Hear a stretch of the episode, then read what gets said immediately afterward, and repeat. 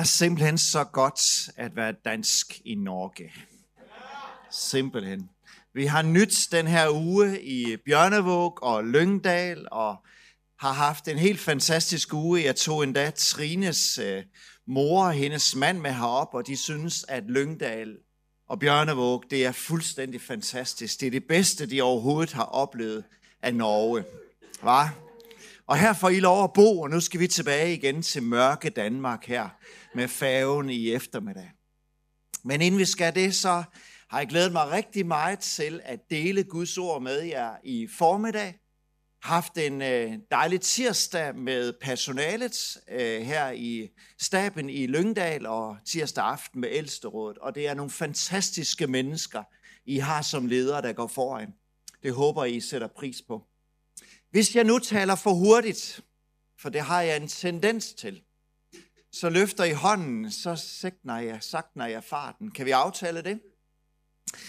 Inden at vi øh, skal dele ordet sammen, så er det rigtig godt at have noget godt læsestof. Og øh, jeg har tre bøger med, som I kan købe af min skønne hustru, Trine, efter mødet herude ved cafébordet. Den ene har godt nok en noget en, en våget forside. Den hedder At elske og at leve.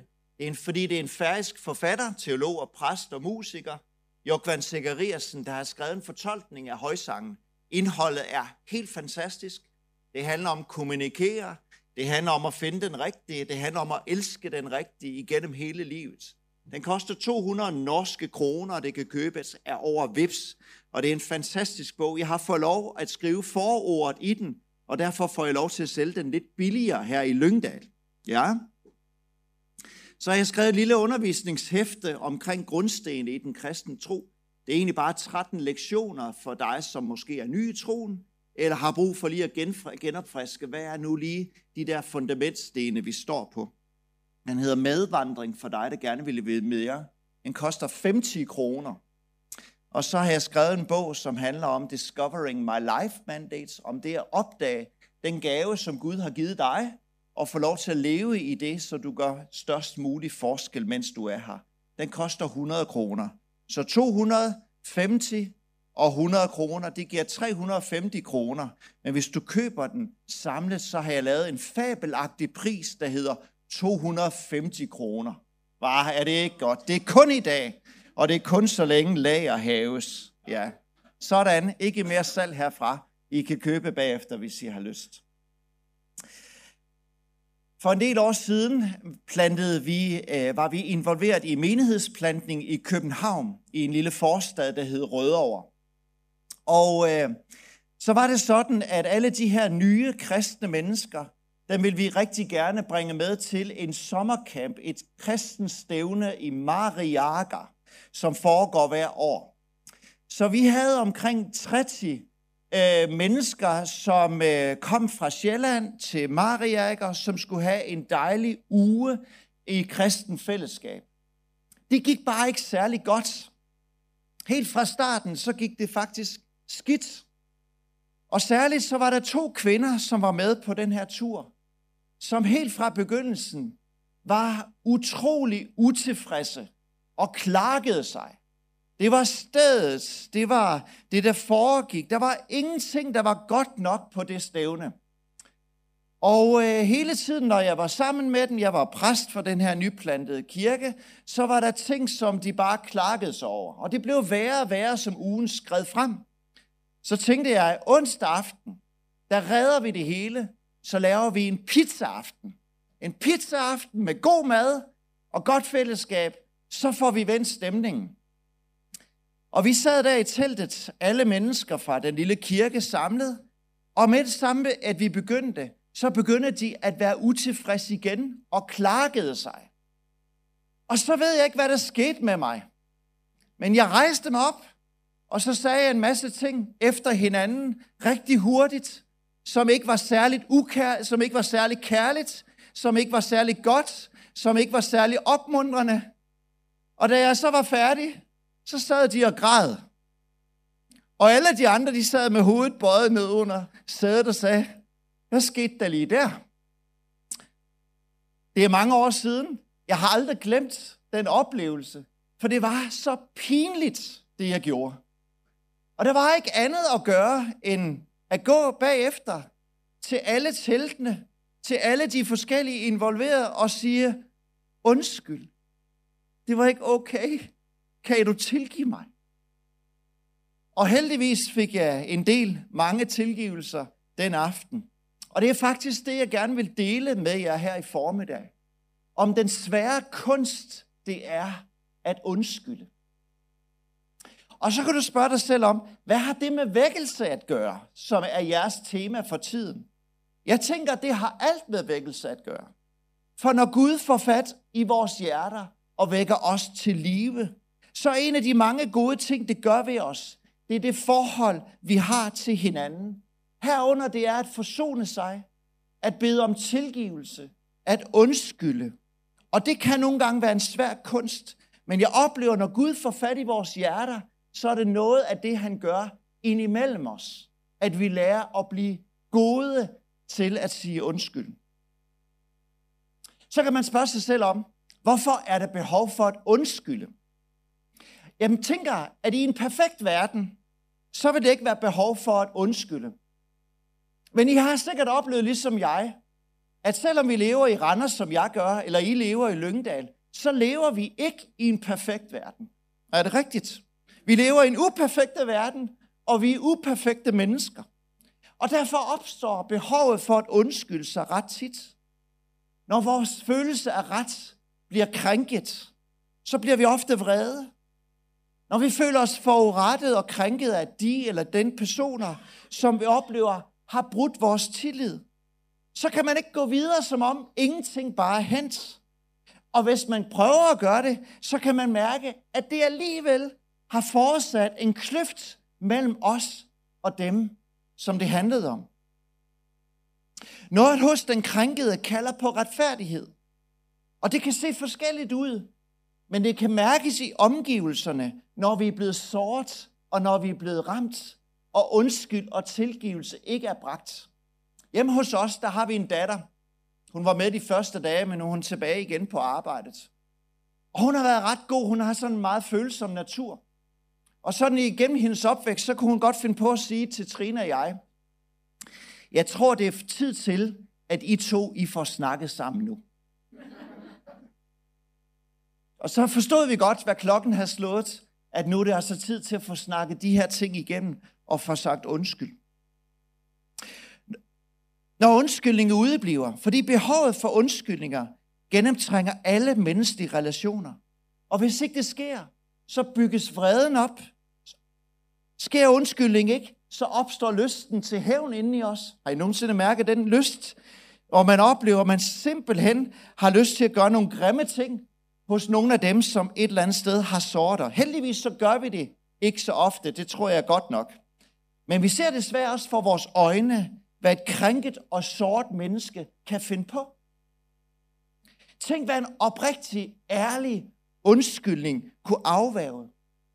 En uvillighed i ægteskabet til at undskylde har ført til rigtig mange ægteskabsbrud, hvor begge formentlig har båret sig forkert af, men ingen vil sige undskyld. Der var der engang var noget smukt, der er der nu bare kulde og afstand imellem to mennesker. Så kan man spørge sig selv, kan man, kan man tilgive uden først at undskylde? Ærlige, oprigtige undskyldninger og tilgivelsesprocesser er altid en topersons handling. Der er nogen, der citerer Bibelen og citerer Jesus ord som, om at I ikke tilgiver, så tilgiver Gud ikke. For eksempel manden, der har begået utroskab og fortsætter i den livsstil, han smider den i hovedet på sin ægtefælle. Jamen, du må jo tilgive mig, for ellers tilgiver Gud ikke dig.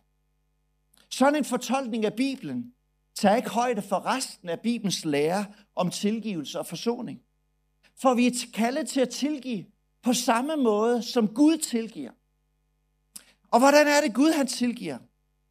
Bibelen fortæller os, at når vi bekender vores synder, så er Gud trofast og retfærdig, og han tilgiver os, og han renser os for al uretfærdighed. Men der er ingenting i hverken Gamle Testamente eller Nu Testamente, som fortæller om en Gud, der tilgiver folket eller mennesker, før man har bekendt sine synder og omvendt sig fra dem. Når Jesus for eksempel bad til sin far for sine bødler, før han gik til korset, så bad han far tilgive dem, for de ved ikke, hvad de gør. Så fortæller det os noget om Guds kærlighed, Guds nåde og Guds barmhjertighed og ønsket om at se sine mordere tilgivet. Men deres tilgivelse vil alene hænge sammen med, at de på et senere tidspunkt bekendte deres synder over for Gud. Det forkerte, de gjorde, da de bidrog til at dræbe Guds søn. Og når det ville ske, så ville de få tilgivelse med det samme, men det måtte ske. På samme måde som røveren på korset blev tilgivet lige før hans død. Han sagde til den anden røver, vi har gjort så meget ondt, sagde han. Jesus har ikke gjort noget ondt. Han har ikke gjort noget forkert. Og så vendte han sig mod Jesus og sagde, Jesus, vil du tilgive mig min synd? Og i det øjeblik bekendelsen kom, så sagde Jesus, fra i dag skal du være med mig i paradis. Det siger noget om Guds parathed og ønsket om at tilgive. Men det siger også noget om røverens villighed til at bekende sin synd. Det er Dietrich Bonhoeffer, tysk teolog og præst, som døde i den tyske koncentrationslejr, som kaldte det for billig nåde, hvis ikke forkyndelsen af tilgivelse blev efterfulgt af nødvendigheden om omvendelse. Ægte tilgivelse på baggrund af ægte undskyldning, det fjerner alle barriere mellem den forkerte handling, og det åbner døren for forsoning og genoprettelse af relationen over tid. Hvis relationen var varm og tæt, så kan en undskyldning igen gøre relationen varm og tæt. Er det rigtigt? Når vi undskylder, så tager vi ansvar for vores opførsel. Vi erkender en forkert handling. Vi forsøger at gøre det godt igen. Og uden undskyldning, så sidder den forkerte handling stadigvæk som en barriere, og kvaliteten af relationen er forringet mellem de to mennesker, som et eller andet sted oplever en konflikt. Gode relationer bygger altid på villigheden til at undskylde. Ønsket om at tilgive og forsone sig. Når relationer bliver kolde og lunkne, så bygger det ofte på villigheden eller manglende villighed til at undskylde sig. I sunde familier, så lærer man sine børn at sige undskyld. Når man begår forkerte handlinger over for andre, kan man godt lære at sige undskyld. Altså selvfølgelig kan man det. Men det er en overvindelse, og det er en øvelse, hvis ikke du har lært det hjemmefra. Så er det et sprog, og det er en adfærd, som vi må lære os. Det kan som alt andet i livet være udfordrende. Men når man ser, og man forstår, hvad en god undskyldning bærer med sig af gode frugter, så overvinder man måske sin manglende evne og dygtighed til at gøre det. Jeg tror, der typisk er fem elementer i en undskyldningsproces, og dem vil jeg gerne dele med jer her i formiddag. Og nogle af de elementer, de betyder mere for dig end for andre. Og nogle af dem betyder måske også mere for din frue end for andre. Det første element i undskyldning, det er, jeg er ked af det. Jeg udtrykker fortrydelse. I 2. Korinther 7.10, der står det sådan her. For bedrøvelse efter Guds vilje virker, om, virker omvendelse til frelse, som ikke fortrydes. Altså et sind, der udtrykker, jeg er ked af det. Det fører til omvendelse og noget godt i vores liv. Det er at sætte ord på det, jeg har gjort. En ærlig fortrydelse over for et forurettet menneske, det kan gøre en kæmpe forskel. Kan du huske den yngste søn i, i beretningen i Lukas 15? Det var ham, som øh, havde en rig far. Han bad om sin arv, og så gik han ud og levede et forfærdeligt liv. Østlede sig alle sin fars penge væk. Han, han øh, øh, skabte et dårligt ry over sin fars navn. Men på et tidspunkt, så havde han lyst til at omvende sig, at ændre sig. Og så kommer han hjem til sin far, og du kan mærke hjertet. Du kan mærke hans far, undskyld. Jeg er ked af det, jeg har gjort over for dig og over for Gud. Kan du tilgive mig? Og faren står der med åbne arme som et stort billede på, hvordan Gud møder os. Selvfølgelig, min søn. Selvfølgelig kan jeg tilgive dig. Men det var nødvendigt at sætte ord på det, han var ked af. Jeg måtte gå den lange gang hos alle dem, der var med på sommercamp, over for dem, som jeg offentligt handlede forkert op. Men hvor var det utroligt? Kom der utrolig meget godt ud af min dårlige handling. Lad os bare sige det sådan. I vores kirke i Randers, så har vi været igennem en forsoningsproces her hen over de sidste 10 måneder. Det handlede om en tidligere præst og hans frue, og en tidligere leder i kirken og hans kone, som oplevede nogle meget grimme ting i kirken og på nogle menighedsmøder for 12 år siden. En fra ledelsen fra ældsterådet og jeg, vi har så mødtes de sidste 10 måneder med de fire mennesker. Og der er blevet grædt en del tårer i den proces. Og ofte så har det været med efterfyldt af vores ord. Vi er så kede af det, der skete med jer. Vi begræder det. Vi ønskede, det aldrig var sket på den måde, som det skete. Og det gjorde godt. Vi vil gerne være specifikke om det, vi er kede af.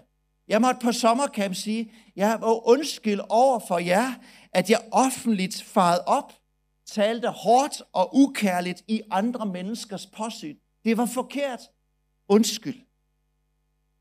Og så undgå, undgå for Guds skyld det efterfølgende ord. Men.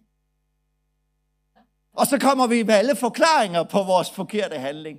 Når vi undskylder, så lad det stå alene. Undskyld. Jeg er ked af det, jeg gjorde.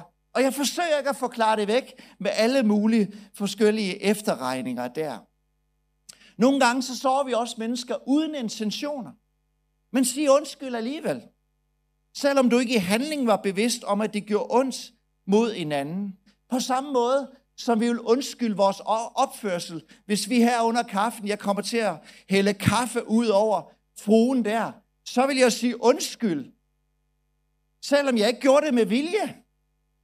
Og, og det ville være underligt, hvis jeg sagde, jamen jeg gjorde det ikke med vilje, så jeg ville undskylde, fordi hun skal ud og have en ny trøje på, eller, eller det gjorde ondt, og måske skal til skadestuen, og, fordi at hun blev forbrændt, og andre irriterende ting. Vi identificerer os med den, det gik ud over. Det andet i undskyldningsprocessen, det er, jeg var forkert på den. Jeg tager ansvar for min handling. Der er et smukt eksempel i det gamle testamente i Nehemias' bog, hvor Nehemias han siger sådan i kapitel 1 og vers 6. Jeg bekender de synder, som vi israelitter har begået imod dig, og som også jeg og min fars hus har begået. Der var ingen forsøg fra Nehemias' side at retfærdiggøre sine handlinger, som vi nogle gange kan være eksperter i. Som modne voksne, så tager vi ansvar for vores handlinger, og vi flytter dem ikke, men vi tager ansvar for det, der ligger på vores banehalvdel. Vi fejrer for vores egen dør, vil vi sige på dansk. Det handler om villigheden til at erkende det, der er mine fejl. Jeg tog fejl. Det er en stor proces imod tilgivelse og genoprettelse. Den eneste fejl, der kan ødelægge os, det er den fejl, vi ikke vil erkende. Det er at være hurtig til at erkende sin fejl. Det er at være hurtig til at sige undskyld. Det genopretter processer og relationer rigtig hurtigt. Jeg har rigtig mange gange forsøgt at forflytte eller negligere mine forkerte handlinger. Det har aldrig ført til noget godt. Men jeg kan huske, hvilken reaktion det havde på den sidste, der netop var kommet til tro på Jesus, inden vi tog på sommercamp. Jeg har netop døbt ham ugen før. Og da jeg måtte gå hen til hans teltdør og sige, undskyld for det, jeg begik, og jeg sagde, så sagde han til mig sådan her, hold kæft, det er ikke pænt at sige på dansk, vil jeg sige. Selvfølgelig kan jeg tilgive dig. Det er da dejligt at mærke, at du er et menneske og ikke en engel. Jeg kunne have gjort noget lignende, sagde han. Og det tror jeg var rigtigt nok.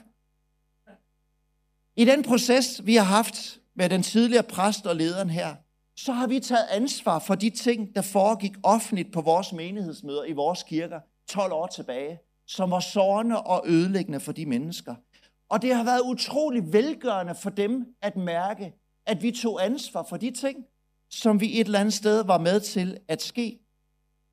I skal prøve at se en lille video her, hvor Mike han tager ansvar for en ting. Jeg hedder Mike Holm Stewart, øh, født ind i kirken, og øh, PT er en del af Goat, og også en del af Sky Kids med Sky Kids Band, og også en lille smule del af i lovsang om søndagen.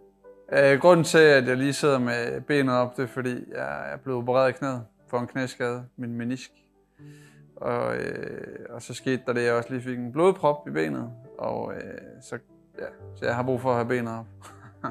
Jamen, øh, det var en dag, hvor mig og min datter, vi gik hjem fra Rema 1000. Og øh, så bor der en ældre mand på vej hjem. Og han har en hæk med de her små, runde, hvide bær. Som hvis man plukker dem, så kan man sætte dem, og så springer de. Så bang, det er meget sjovt, når man er barn. Så hun havde plukket nogle af dem, så kom han ud, ham her mand. Og så var han sådan en rigtig sur gammel mand, og sagde, øh, øh, øh, øh det skal I ikke gøre, øh, øh, få hende væk fra den, og det er min busk, og jeg skal nok selv klippe den, og, og jeg kan da også komme ned til dig og klippe din hæk, hvis du vil have det. Og der kunne jeg mærke, okay, det provokerede mig helt vildt. Så jeg sagde til manden, altså, prøv lige at slappe af.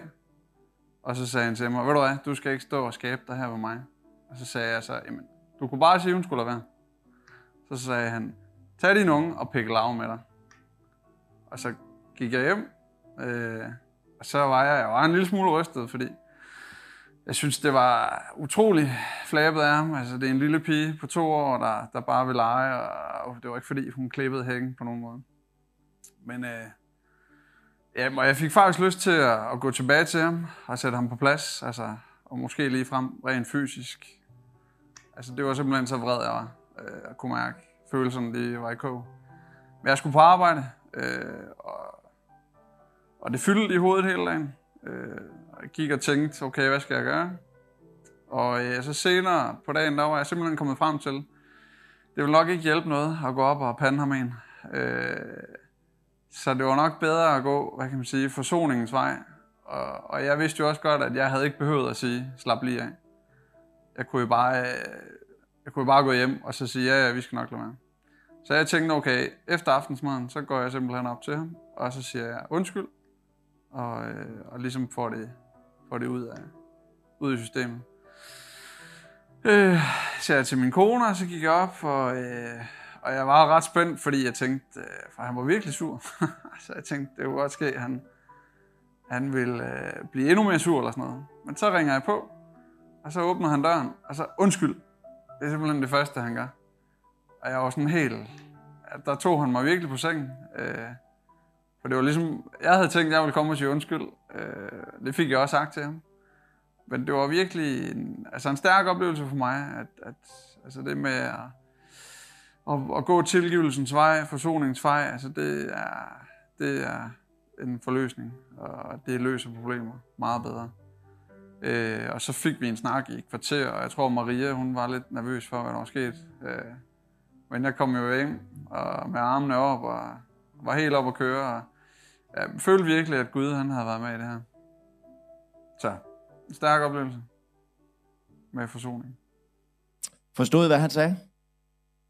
Og selvom det var en lille ting, så gjorde det en stort indtryk. Og Mike han fortalte den i vores live-gruppe, den her oplevelse.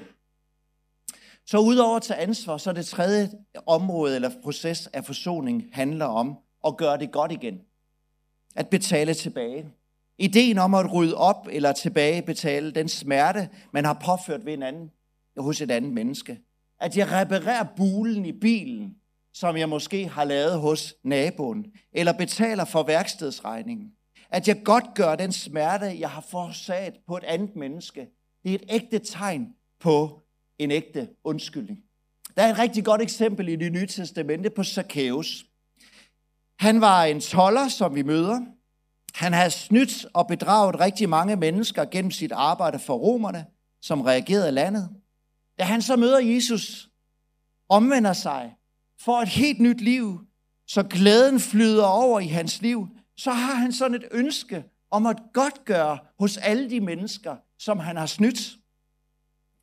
Og han vil ikke bare betale 10% tilbage, men han går, siger til Jesus, jeg vil betale alle firedobbelt igen, for at godt gøre det, jeg har gjort imod dem. Hvordan det var praktisk muligt, det ved jeg ikke, men det illustrerer pointen. At, og Jesus sagde, hold da op, det her det er et tegn på sand omvendelse. Når sand undskyldning finder sted, så ønsker man at godt gøre den smerte, man har gjort over for et involveret menneske. Det var derfor, vi havde en forsoningsgudstjeneste i vores kirke her for en måned siden. Efter den første gudstjeneste, så kl. 13, så inviterede vi de to familier, deres børn, alle der var impliceret i det, der foregik for 12 år siden sammen med menigheden, for egentlig bare offentligt at sige, undskyld.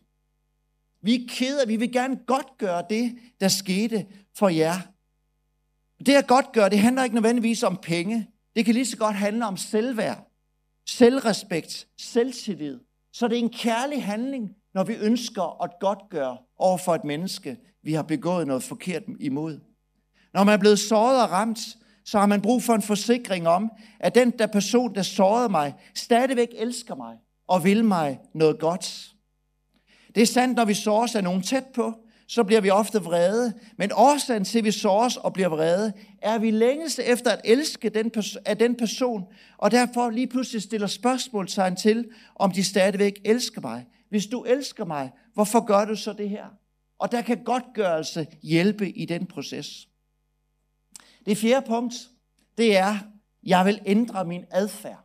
Altså et tegn på sand omvendelse, som er en del af en undskyldningsproces. Det handler om intentionen om forandring. At ikke vil fortsætte en sårende adfærd over for et menneske, som jeg har såret.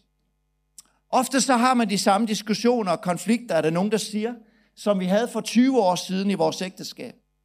Det er sandt, at ofte så cirkulerer vi omkring de samme temaer, og såres omkring de samme temaer. Men i undskyldning, så ligger der altid et ønske om at omvende mig fra min handlemåde.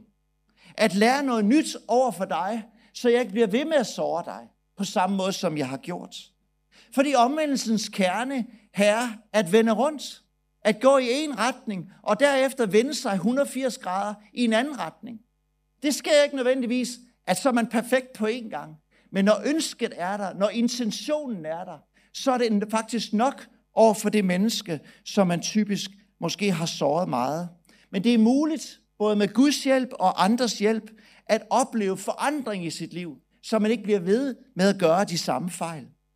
Uden sand omvendelse, så kan undskyldning ende med at ske for døve ører. Jeg hører ikke, hvad du siger, for du ændrer ikke noget efterfølgende. Hvis vi har intention om at forandre os, så er det som regel nok. Der er ingen, der forventer, at vi er perfekt med det samme. Når vi har haft en konflikt derhjemme hos os, Trine og jeg, så har jeg ofte haft en tendens til at trække mig i relationen og blive stille og med tavsheden påføre en masse skyld hos min ægtefælle, frem for at få talt ud. Jeg har virkelig skulle lære at få talt ud og se, fordi jeg kan se, hvad de dårlige ting, de har gjort, når tavsheden, den bare får lov til at være der. Al sand omvendelse begynder i hjertet. Jeg vil forandre mig, og Gud hjælp mig. Og så beslutter vi for at gøre noget ved det. Vi sætter ord på vores intention om forandring. Og viser den person, vi gerne vil forandres og gøre nogle ting overfor, at vi mener det. Og vi ønsker det. Og så lægger vi en plan for det. Hvis jeg sidder med et alkoholsproblem, så søger jeg behandling. Så gennemfører jeg behandling. Sand og en omvendelse, det er afgørende i vores møde med Gud, og det baner vej for tilgivelse og genoprettelse. Men det samme gælder i vores relationer med hinanden. Når vi sårer eller gør forkerte ting over for hinanden, så omvender vi os. Vi vender os mod dig, Gud, og vi ønsker ikke at gentage en syndig adfærd. Og Gud, hjælp mig til at lægge et nyt mønster.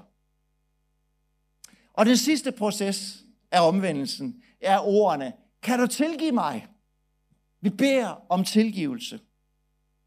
Jeg har lært, at de tre mest, Øh, de tre sætninger, som mennesker allerbedst kan lide i Lyngdal, ved I hvad de er? Det er ordene, jeg elsker dig.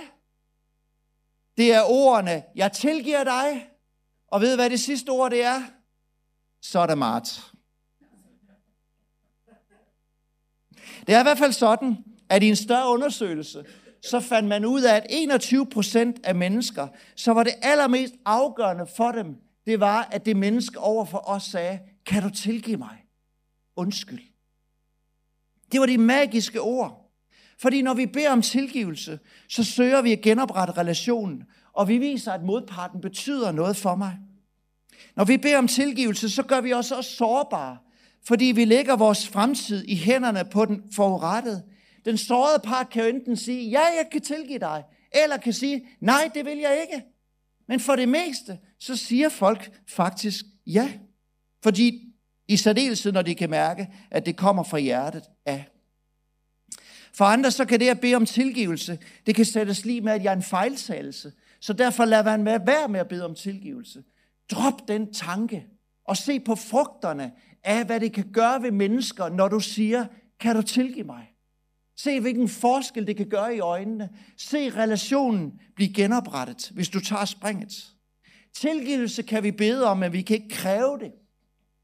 Når vi beder om tilgivelse, så er det altid et valg hos modparten. Ellers forstår vi ikke tilgivelsens natur. Når jeg tilgiver, så frigør jeg modparten for den straf, vedkommende burde have haft, og byder dem igen ind i mit liv. Tilgivelse siger, jeg sætter så meget pris på vores relation, og derfor vælger jeg at acceptere din undskyldning, og jeg forlanger ikke længere retfærdighed. Jeg anmoder om tilgivelse, og jeg modtager af noget og kærlighed og barmhjertighed fra den, der giver mig tilgivelse. Og det er ikke altid en let ting, når man virkelig er blevet såret, og kunne sige, ja, jeg tilgiver dig. Men som regel så siger I folk ja, når de kan mærke i øjnene, at du mener det. Da jeg bad om tilgivelse, særligt hos de to kvinder, som jeg offentligt ydmygede, så var det stort, at de sagde ja, fordi de kunne mærke, at jeg mente det fra mit hjerte af. Når vi i forsoningsprocessen i vores kirke har oplevet, at de to par har taget imod vores tilgivelse, en fra menighedsrådet og så mig, og den blev modtaget, så var det noget stort. Vi fik tilgivelse for den smerte, vi påførte dem. Når vi bringer en sand undskyldning, så indeholder det altid de her fem ting. Jeg er ked af det. Jeg tager ansvar. Kan jeg godt gøre? Jeg omvender mig. Og kan du tilgive mig? Og lærer vi at give en ordentlig undskyldning og hurtig i processen, øver vi os det derhjemme, øver vi det også i, i smågrupperne, eller på arbejde, eller der, hvor vi tjener med i kirken, lærer vi hurtigt at tage de ord over vores læber, så oplever vi, at vi praktiserer det, Jesus underviste os om, da han i Matthæus kapitel 5 sagde sådan her. Når du bringer din gave til alderet, og kommer i tanke om, at din bror har noget imod dig, så lad din gave blive ved alderet, og gå først hen og forlig dig med din bror, og så kom og bring din gave. Det er meget radikalt. Og i det her forsøg på forligelse og forbragt din undskyldning, så finder du ud af undervejs, hvad du er, du har gjort mod andet menneske, hvis ikke du allerede ved det. Men hvis vi er hurtigt til at undskylde vores forkerte adfærd med de elementer, så kan vi få lov til at se en skøn kirke, et virkelig smukt fællesskab blomstre. I kommer til at se sunde, gode familier, tætte, varme venskaber, som ikke bygger på, at vi ikke sår hinanden, at vi ikke kommer i konflikt, men vi bærer initiativet hos os til at forlige, til at forsone og til at sige undskyld, så vi kommer videre. Og så kan man næsten stå stærkere bagefter. Det allervigtigste, det er ikke, at du kommer ind om alle de fem områder, men det er, at undskyldning kommer fra hjertet. Men det at undskylde, det er et valg. Hvad hvis ikke jeg vil sige undskyld? Hvorfor skal jeg være den første, der siger undskyld? Problemet med ventetiden og den kolde krig, det er, at det går alt for lang tid af vores liv med at vente på den anden. Man kan også sidde fast i forestillingen om, at det er den anden, der fuldstændig har begået alle fejl. Men i de fleste tilfælde, så ejer vi noget, vi godt kan sige undskyld for. Noget, der ligger på vores banehalvdel. Så hellere undskyld en gang for meget eller en gang for lidt, uden dog, at undskyldninger skal blive ligegyldige. Bibelen siger, gengæld ikke ondt med ondt, men gengæld ondt med godt. Så vidt det er muligt, så lev i fred med alle. Tag ikke hævn, men overgiv din sag til Gud, som kommer til at dømme alle retfærdigt. Den person, som ikke mener at have brug for andres tilgivelse, lever i en urealistisk verden. Virkeligheden den er, at de fleste af os, vi er under tiden, vi er hårde, vi er kritiske, vi er ukærlige, både i vores mund og igennem vores opførsel. Vi har tit brug for andres tilgivelse af den måde, som vi er på. Og den person, som nægter at erkende, at man har brug for andres tilgivelse, efterlader altid en stribe af brudte relationer bag sig. Relationer bliver aldrig, hvad de kunne være, medmindre vi vælger at undskylde. Og når vi vælger at undskylde og tage skridtet, så kan vi opleve, at himlen glæder sig. Og som regel, så bliver vi mødt af ordene, jeg tilgiver dig. Flere har sagt i vores kirke efter den forsoningsproces, det er som om, at kærligheden er brudt ud på en helt ny måde i vores fællesskab. Det er som om, der er lidt, fælde, der er lidt vækkelse. Vækkelse, som egentlig er bort af, at to mennesker eller to parter har mødt hinanden og sagt undskyld. I kan også tænke på alternativet. Et godt forhold mellem to, som har let ved at undskylde, der er en god ramme for et godt ægteskab. Selvfølgelig, hvor undskyldning ikke skal dække over, at man ikke tager de konflikter, som er nødvendigt. Så tag fat i tingene, mens de er små, og lad dem ikke få lov til at vokse sig store. Jeg vil gerne afslutte med den her konklusion. Det er at undskylde, det er det stærkeste udtryk for at leve et liv i ydmyghed. Ydmyghed, det er en af de værdier, vi gerne vil kende på, kendes på i vores kirke. Og det har faktisk et stærkt udtryk ved at kunne sige undskyld for de ting, som vi et eller andet sted gør mod andre. Så jeg ved ikke, hvem du har i dit liv i dag, som trænger til en undskyldning fra din side.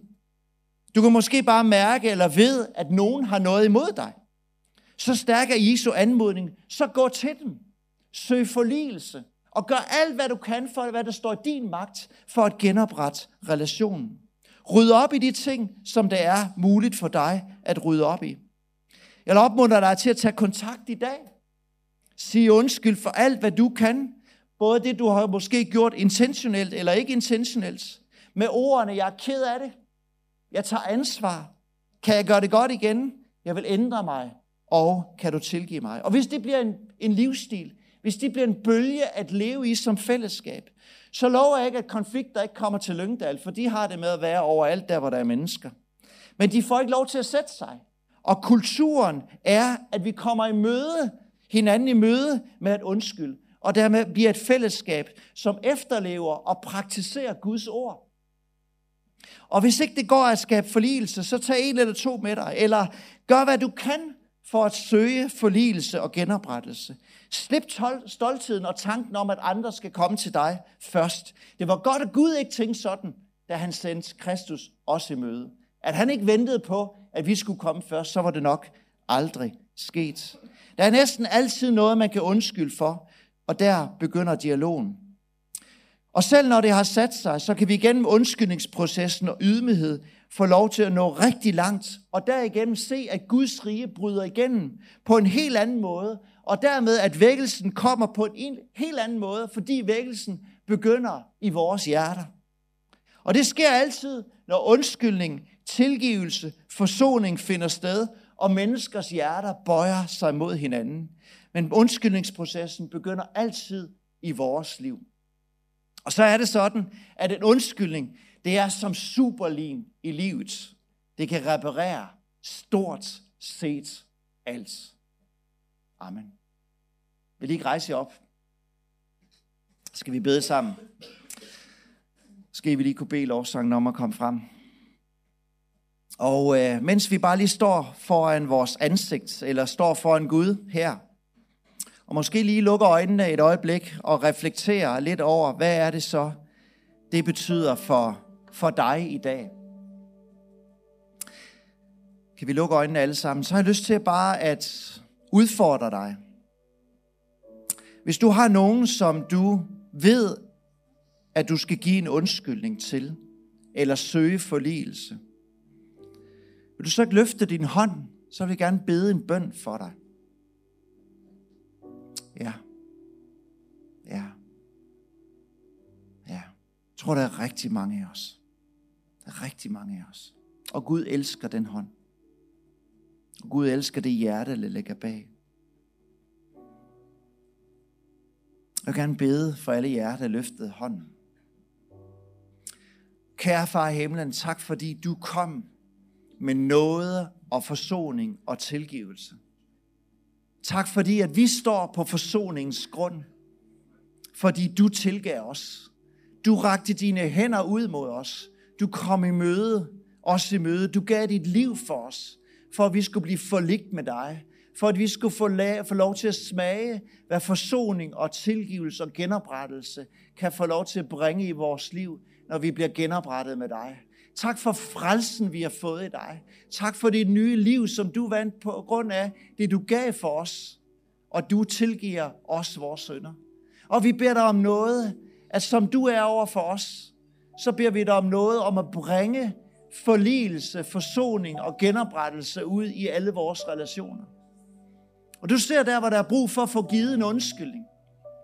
Og jeg vil bede dig om, at du vil give noget og styrke og kraft til at reagere og få lov til at efterfølge det, som er plantet i hjertet den her formiddag. Tak fordi du giver noget til det, så vi får lov til at se en stærk kirke, som står på forsoningens grund, og menneskers hjerter er bøjet mod hinanden. Jeg vil også gerne give muligheden for at søge forbøn i formiddag. Det kan være, at du har brug for en bøn om styrke til at gå den vej og sige undskyld. Det kan også være, at du slider med sygdom. Så er der også mulighed for op et øjeblik at komme frem, og så vil vi bede Gud om, at genoprettelse og helbredelse finder sted. Det kan også være, at du har brug for at bede Jesus om tilgivelse for ting, du har gjort, eller måske bede Jesus om at komme ind i dit liv og få lov til at opleve at skabe et helt nyt liv der. Det vil han elske, og når vi bekender vores synder, så bobler nyt liv frem. Så når vi begynder den første lovsang her, så vil det være forbeder, og så vil vi stå heroppe, og så vil vi stå sammen om at få lov til at se, hvordan undskyldninger, det kan få lov til at skabe hele nye livssituationer, og det får lov til at begynde i vores liv. I Jesu navn. Amen.